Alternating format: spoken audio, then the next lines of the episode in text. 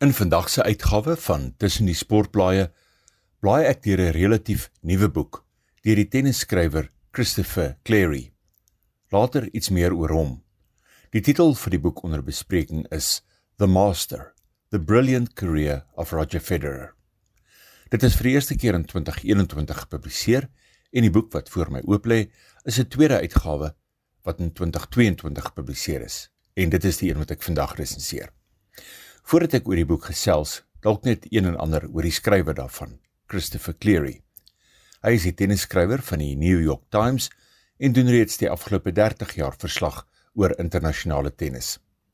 Hy is verskynlik die tennisskrywer wat die meeste een-op-een onderhoude deur Roger Federer toegestaan is.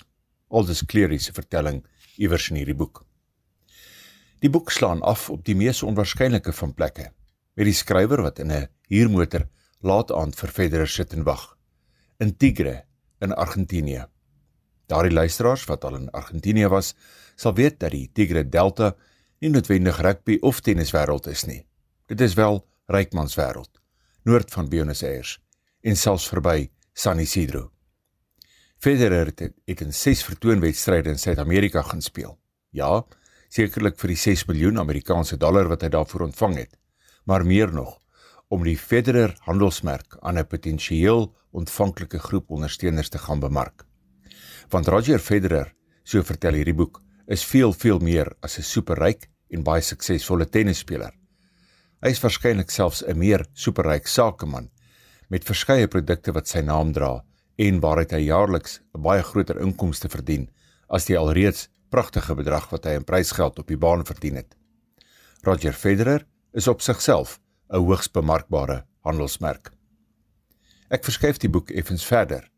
Federer wat in 'n volgende onderhoud aan die skrywer verduidelik oor hoe hy druk hanteer. Op die vraag van die skrywer of hy wat Federer sal ooit in sy loopbaan die punt bereik het waar hy uitgebrand gevoel het, dink Federer baie lank, 'n goeie 30 sekondes plus voordat hy antwoord. Nee, maar ek het al die gevoel gekry dat ek gaan uitbrand. En dan moet 'n mens 'n doelbewuste besluit neem om jou verpligtinge minder te maak. Minder handtekeningssessies, minder tyd op die oefenbaan, minder toernooie, minder ja sê vir openbare verskynings. Een van die deurlopende en baie belangrike temas van hierdie boek is die nalatenskap wat Federer wou bewerkstellig het. Ja, die finansies wat hy vir hom en sy gesin verseker het, is inderdaad enorm. En die 103 titels in ATP toernooie is ook belangrik en veral ook die 20 Grand Slam titels in die mans enkelspel. Maar soos wat Federer ouer geword het, het hy besef en daardie besef ook in dade omgesit dat 'n baie belangrike fokus tydens die laaste 10 jaar van sy loopbaan as speler en ook daarna was om iets terug te ploeg. Nie alleen in die tennisgemeenskap nie, maar ook in gemeenskappe en projekte buite tennis. Hy het gereeld jonger en opkomende spelers na oefenkampe genooi waar hy gratis raad gegee, tyd saam met hulle spandeer het en met hulle sy geheime en strategieë gedeel het oor wat dit geneem het om Roger Federer die tennismasjien te maak en baie jare lank die voorste manstennisspeler ter wêreld te wees. Dit is juis uit die mond van hierdie jonger opkomende spelers dat daar van die mees insiggewende perspektiewe oor Federer en die rede waarom hy vir meer as 300 weke die nommer 1 manste enkelspelspeler in die wêreld was, vertel word. So word daar verduidelik dat Federer die perfekte liggaamsbou vir tennis het atleties met sterk bene en buitengewoon sterk hande en voorarms wat natuurlik help met die betowerende bootolhoue wat hy kan speel. En dat Roger Federer altyd 'n plan B, C, D, E, F ensovoorts gehad het. Iemand het by geleentheid al opgemerk dat Federer se planne die hele alfabet oorspan het.